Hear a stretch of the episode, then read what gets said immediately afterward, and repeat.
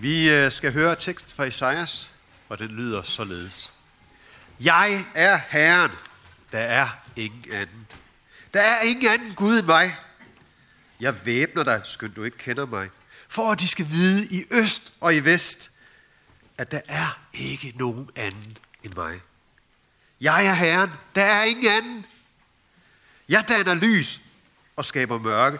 Jeg frembringer fred og skaber ulykke. Jeg, Herren, frembringer alt dette. Lad det drøbe for oven himmel. Lad retfærd strømme ned for skyerne. Jorden skal åbne sig. Frelsen skal gå frem. Retfærd skal spire. Jeg, Herren, skaber det.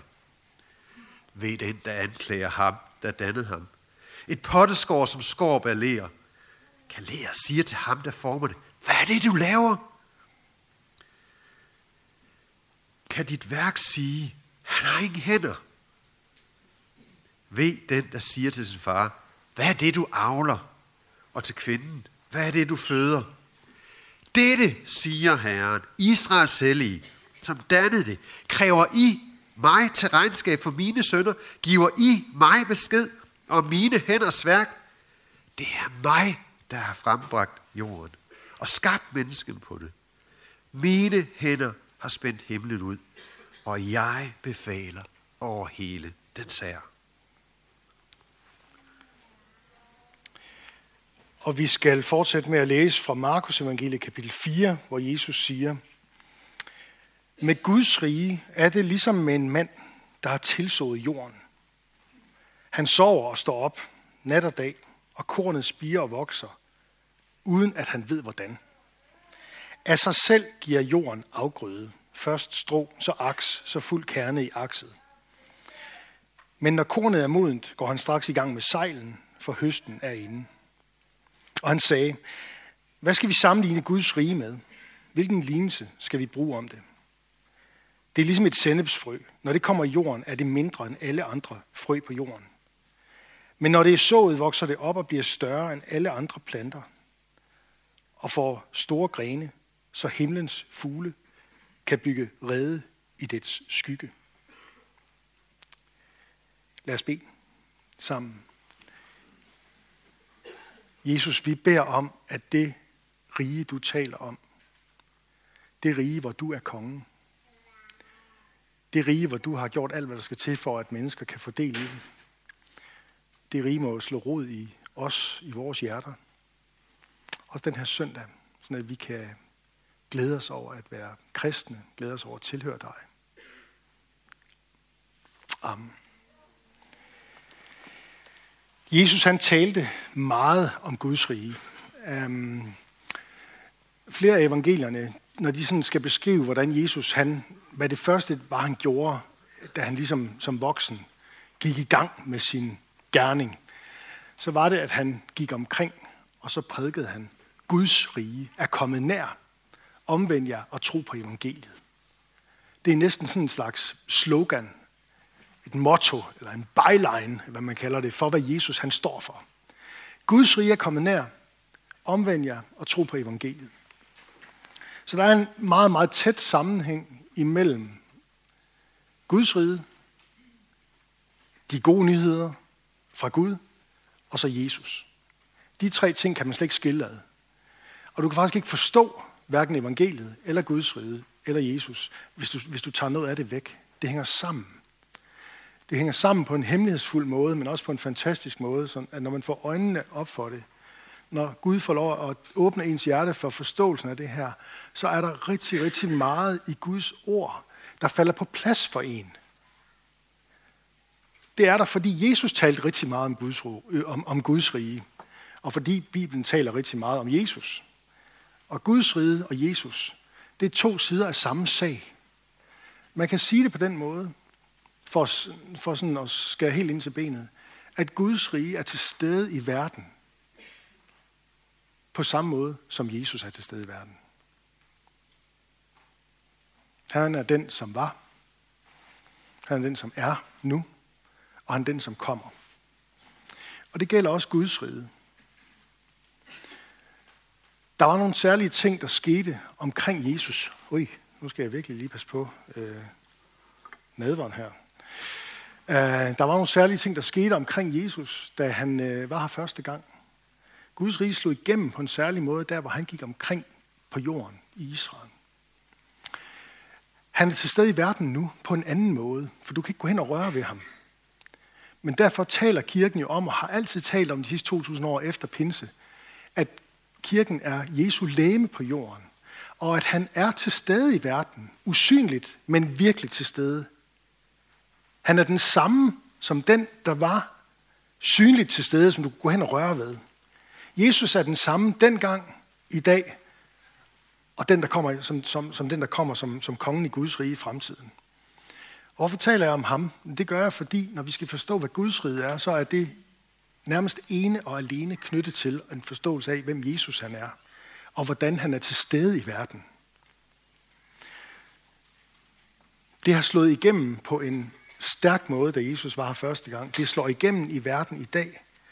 Men der er, det, der er vi underlagt en vis form for usynlighed eller hemmelighed, fordi han er jo ikke fysisk i blandt os, når vi går hen og rører ved ham. Men han er den samme. Og så slår det igennem en gang i fremtiden på en konkret, synlig måde igen, hvor Jesus vil træde frem på jorden igen som menneske. Og den sidste ting, tror jeg er noget, vi har glemt langt hen ad vejen. Jeg tror, det er noget, vi har overset, eller noget, vi har øh, øh, negligeret, hvis man kan sige det sådan. Og det gør, at, det gør, at vi nogle gange får nogle af de ting, Jesus siger om Guds rige, lidt galt i halsen. Øhm, det er klart, men vi har jo selvfølgelig en tendens til at forstå tingene ud fra den virkelighed, vi er i lige nu. Og der er han usynligt til stede iblandt, i, iblandt os og virker i verden. Øh, og Guds rige virker i verden. Men der er den her spænding imellem, hvad kan man sige, den måde Guds rige er til stede i verden nu, og så den måde Guds rige skal komme en gang i fremtiden. Der er en spænding i det, som øh, bibelforskerne og teologerne de har kaldt for, at øh, en spænding imellem noget, der er her nu allerede, og så noget, der endnu ikke er her. Man taler om en spænding mellem allerede og endnu ikke. Altså Guds rige slår igennem nu i verden, og så er der alligevel noget ved Guds rige, der vi har i vente. Noget, der ikke er slået igennem endnu fuldt ud. Og det er vigtigt at forstå. Det er sådan, Nye Testamente taler om det. Øhm, som Guds rige som noget nutidigt, noget vi kan tro og erfare og få del i her og nu. Og så samtidig er der også noget ved Guds rige, som vi har i vente. Det ligger i selve bønden, komme dit rige, som fortsætter med at ske din vilje på jorden, som den sker i himlen. Det er, den, den må vi gerne tage som en bøn om, at, at Guds rige må, og det tror jeg, vi skal slå igennem her og nu, i vores liv og i menighedens liv og i verden osv. Men dybest set, når du ser på den i den store bibelske sammenhæng, så er det en bøn om, at Jesus må komme til jorden og træde frem på jorden, og at Guds rige må komme i fuld flor. Det taler Jesus selv, Nytestamente, hans apostle, om igen og igen og igen. At der er noget, der ligger og venter ude i fremtiden. Den store høst af alle folkeslagene. Den endelige opfyldelse af alle Guds løfter.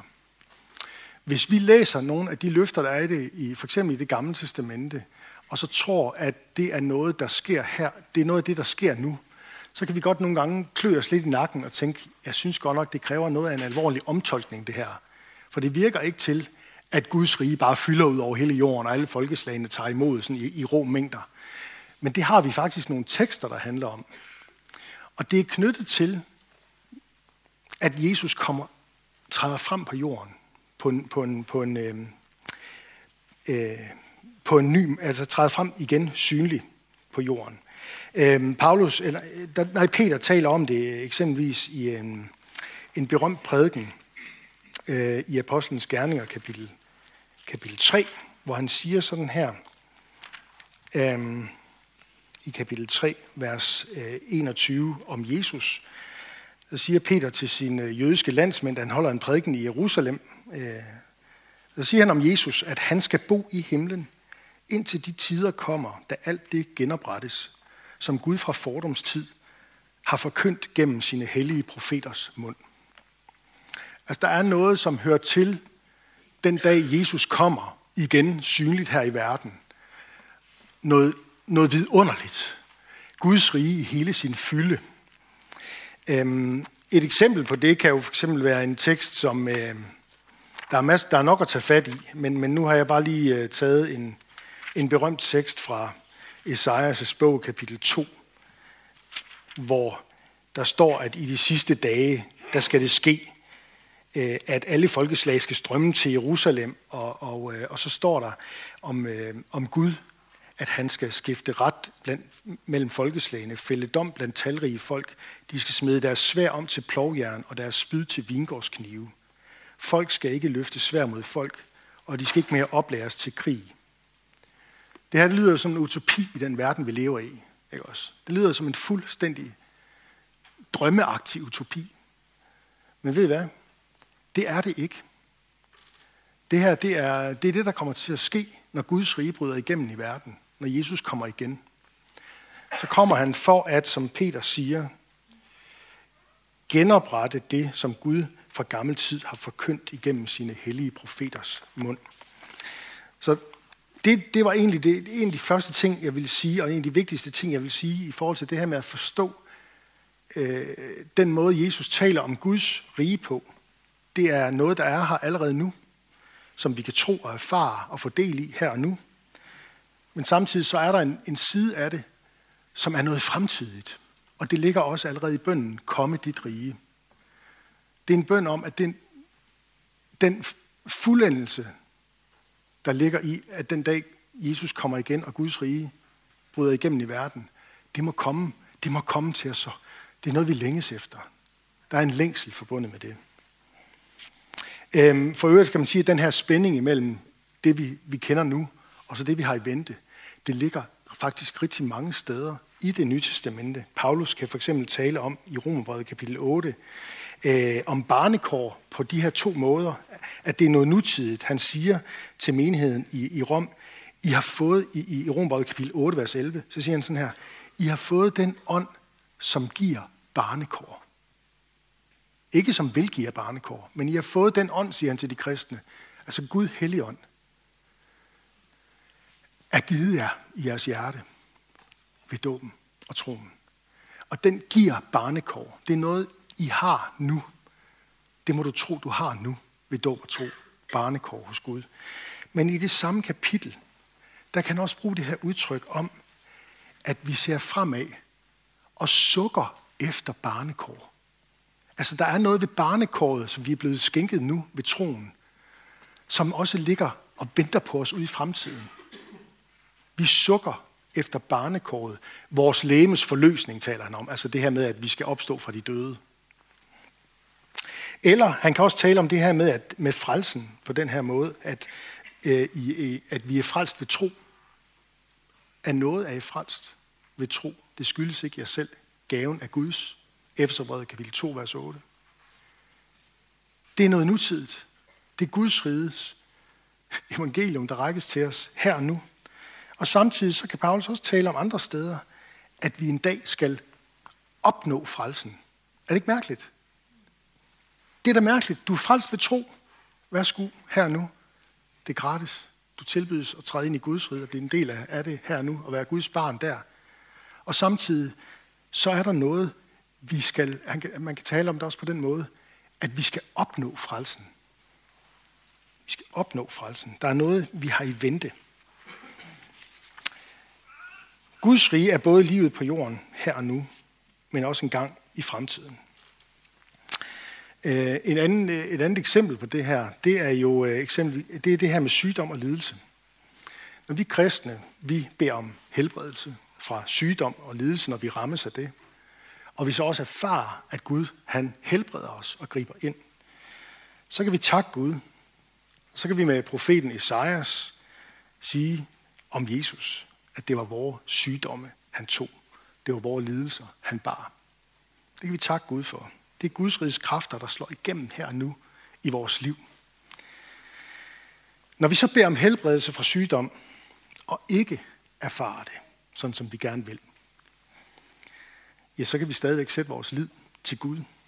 Og med apostlen Johannes sige, at når Jesus han en dag vender synligt tilbage til jorden, og nyskaber himlen og jorden, så vil Gud, og her citerer jeg om fra det kapitel, hvor han taler om det, Jesus er kommet igen, og han vil nyskabe himlen og jorden, så vil Gud, citat, tørre hver tårer af deres øjne, og døden skal ikke være mere. Ej heller sorg, ej heller pine, ej heller skrig øh, skal være mere.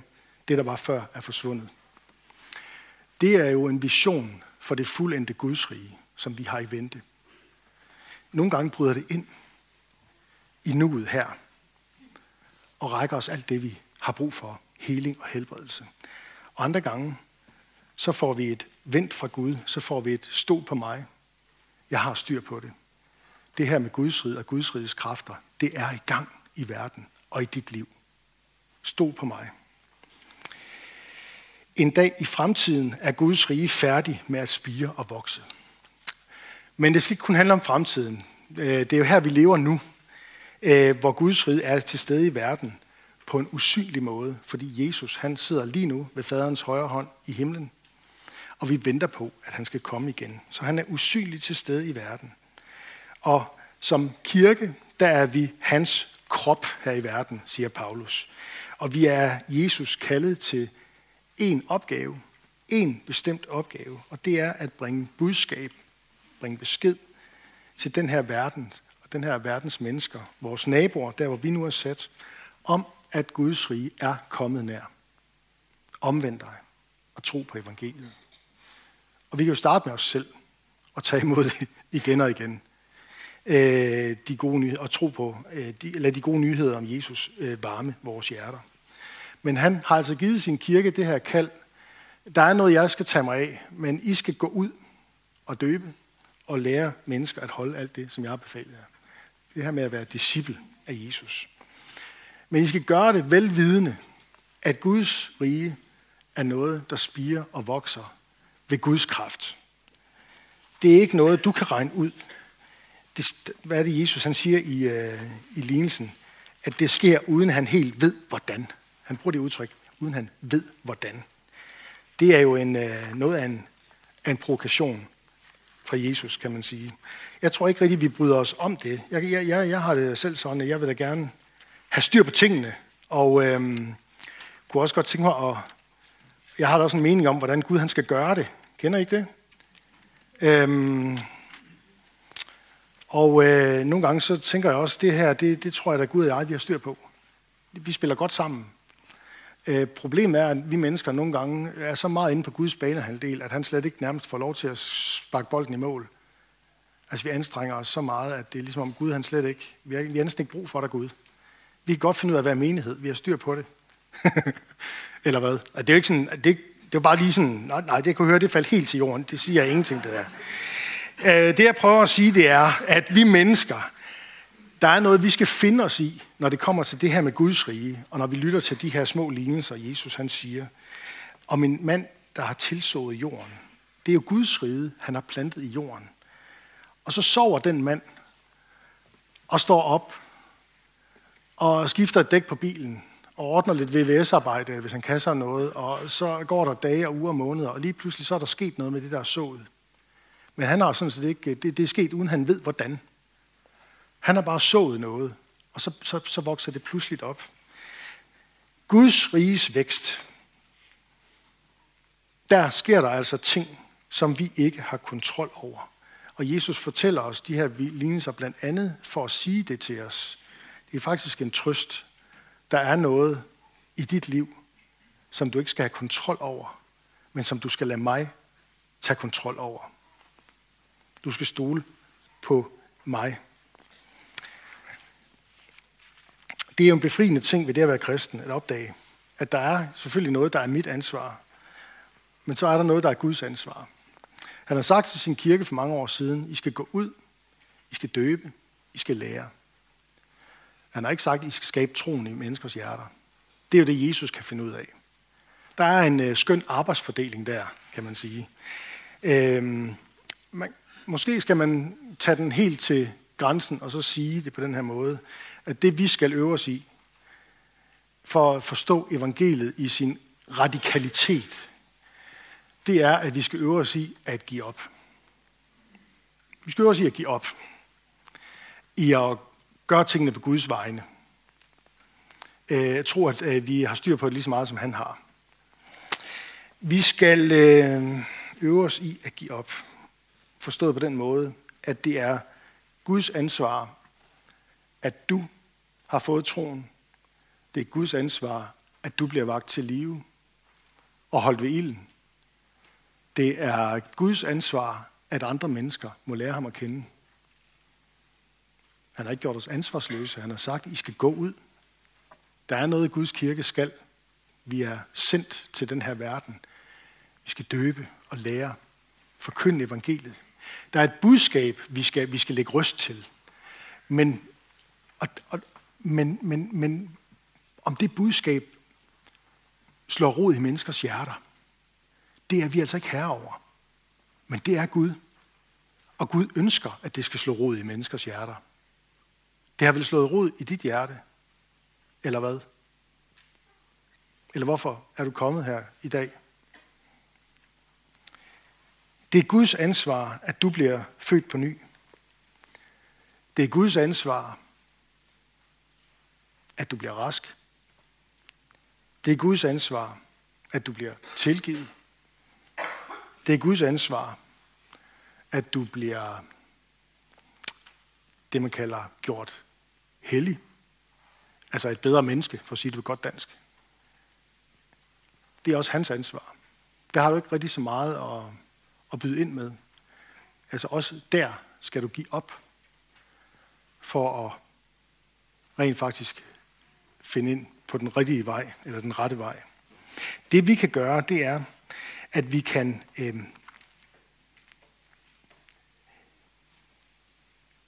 vi kan gøre det, som Jesus befaler os at gøre, nemlig at være hans disciple og gå og døbe og lære.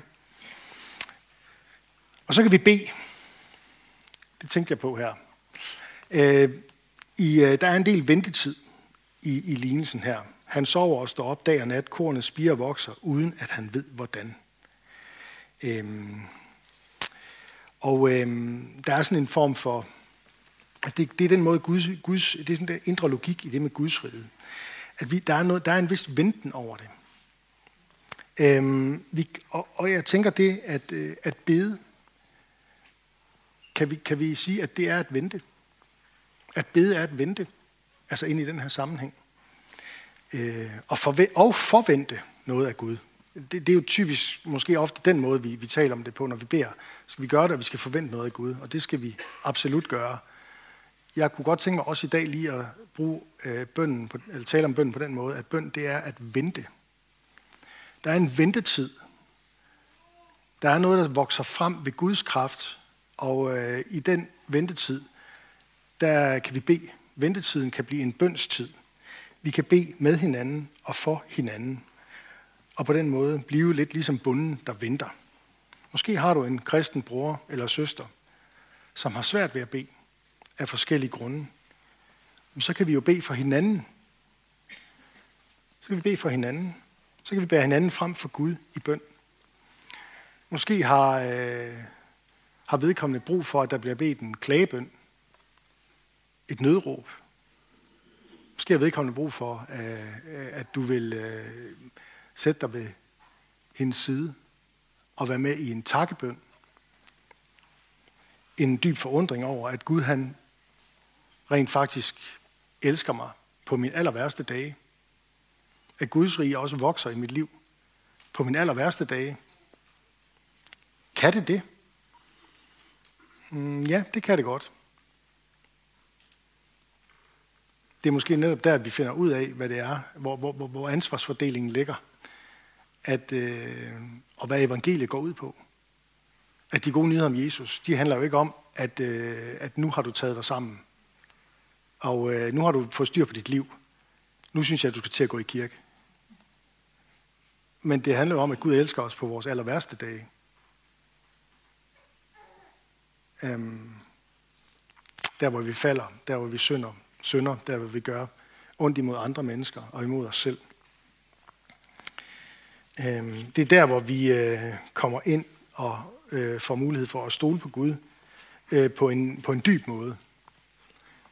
Øhm, hvor bøn kan gøre os tålmodige og taknemmelige på samme tid. Ligesom bunden på marken der i lignelsen. Han må også have haft en vis øh, taknemmelighed.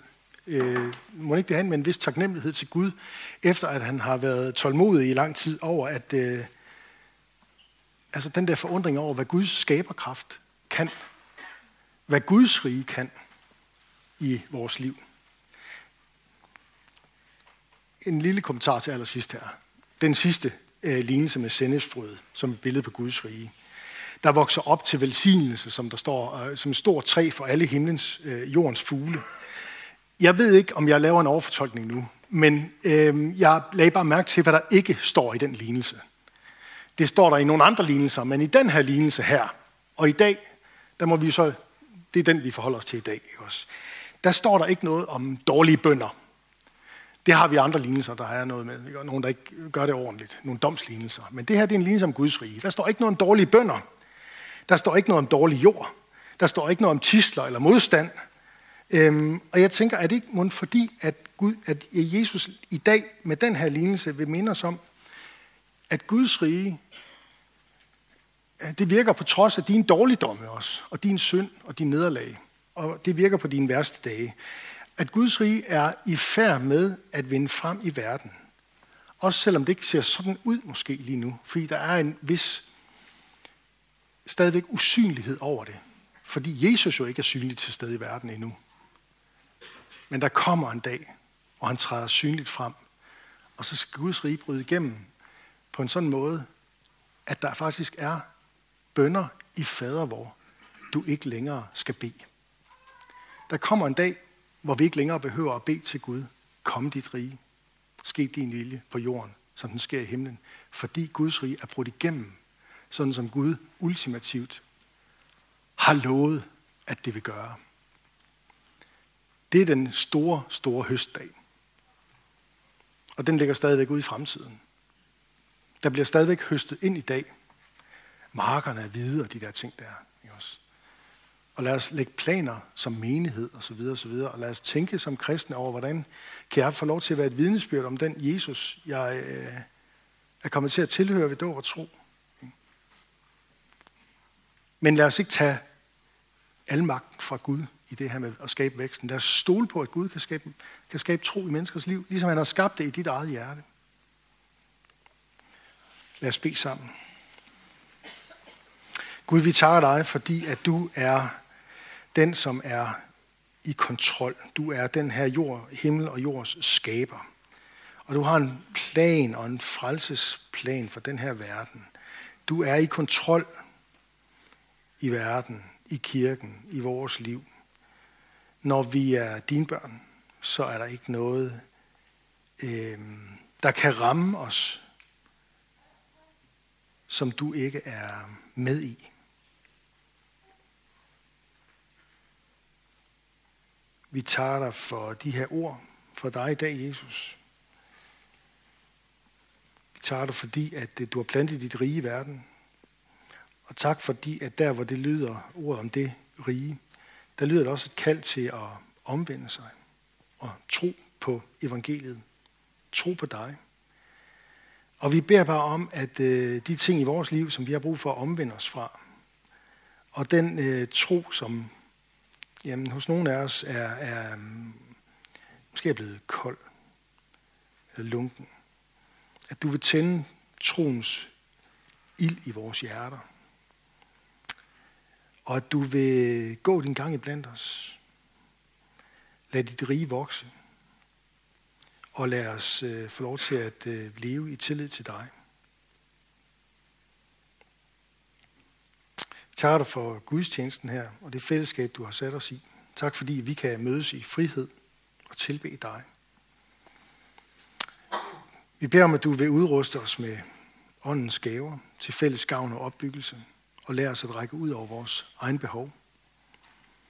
Vi beder for menighedens børn, både de fødte og de ufødte. Beskærm du dem og lad dem få lov at vokse op i, i tro på dig. Vi beder for menighedens konfirmander og unge. Lad dem vokse i tillid til dig. Vi beder for ægteskaberne og de, som lever alene. Giv os din kraft over vores liv og samliv. Vi beder for Skærn by og omegn, at du, Jesus, må blive kendt, troet, elsket og efterfulgt, og at dit rige på den måde må blive udbredt. Vi beder for menighedens åndelige vejleder, Sprint, Ågård Korsholm, velsign ham i hans tjeneste. Vil du være nær hos alle i blandt os, der er ramt af sorg, sygdom og lidelse, og give os øjne og mod til at være til stede og visdom og varme hjerter til at lindre smerten hos hinanden. Lad os være stille et øjeblik og bede for et menneske eller en situation, der har brug for, for Guds hjælp.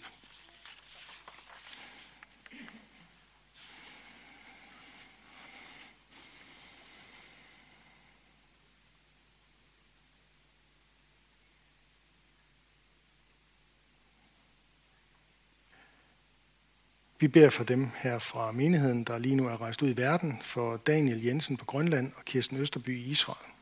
Vi beder om, at du vil lade deres øh, liv der bære frugt, og at de, du vil holde dem øh, tæt ind til dig.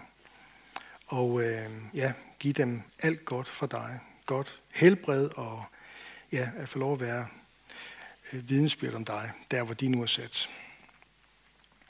Vi beder for din kirke ud over jorden, vi beder særligt for dem, som lever i øh, verdens brandpunkter, i øh, krigszoner, dem, som forfølges for dit navns skyld, øh, dem, hvis liv er på spil, fordi de tror på dig. Vær du, vær du dem nær på en særlig måde. Så beder vi om, at øh, evangeliets lys må skinne i blandt den her verdens muslimer, så de omvender sig og lærer dig at kende Jesus som den eneste sande Gud.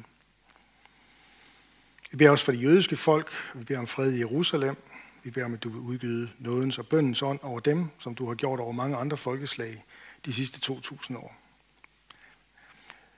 Vi beder for de folk og lande, hvor krigene raser, hvor lidelsen hober sig op. Trøst de sørgende, helt de sårede, befri de bortførte, beskyt de uskyldige og væveløse. Og lad de skyldige og ansvarlige stå til regnskab. Lad der komme fred mellem mennesker og folk, og lad mennesker finde fred i dig. Vi beder også om, at evangeliet er der må få fremgang i Danmark, blandt vores folk og i vores egne hjerter, i vores menighed. Vi beder for alle, der er blevet betroet magt og autoritet, hjælp dem og os til at værne hinanden imod uret og vold. Jesus, vi beder dig, forbarm dig over os. Kom snart med hele Guds riges fylde og gør alting nyt, så vi for sidste gang skal bede komme dit rige. Amen.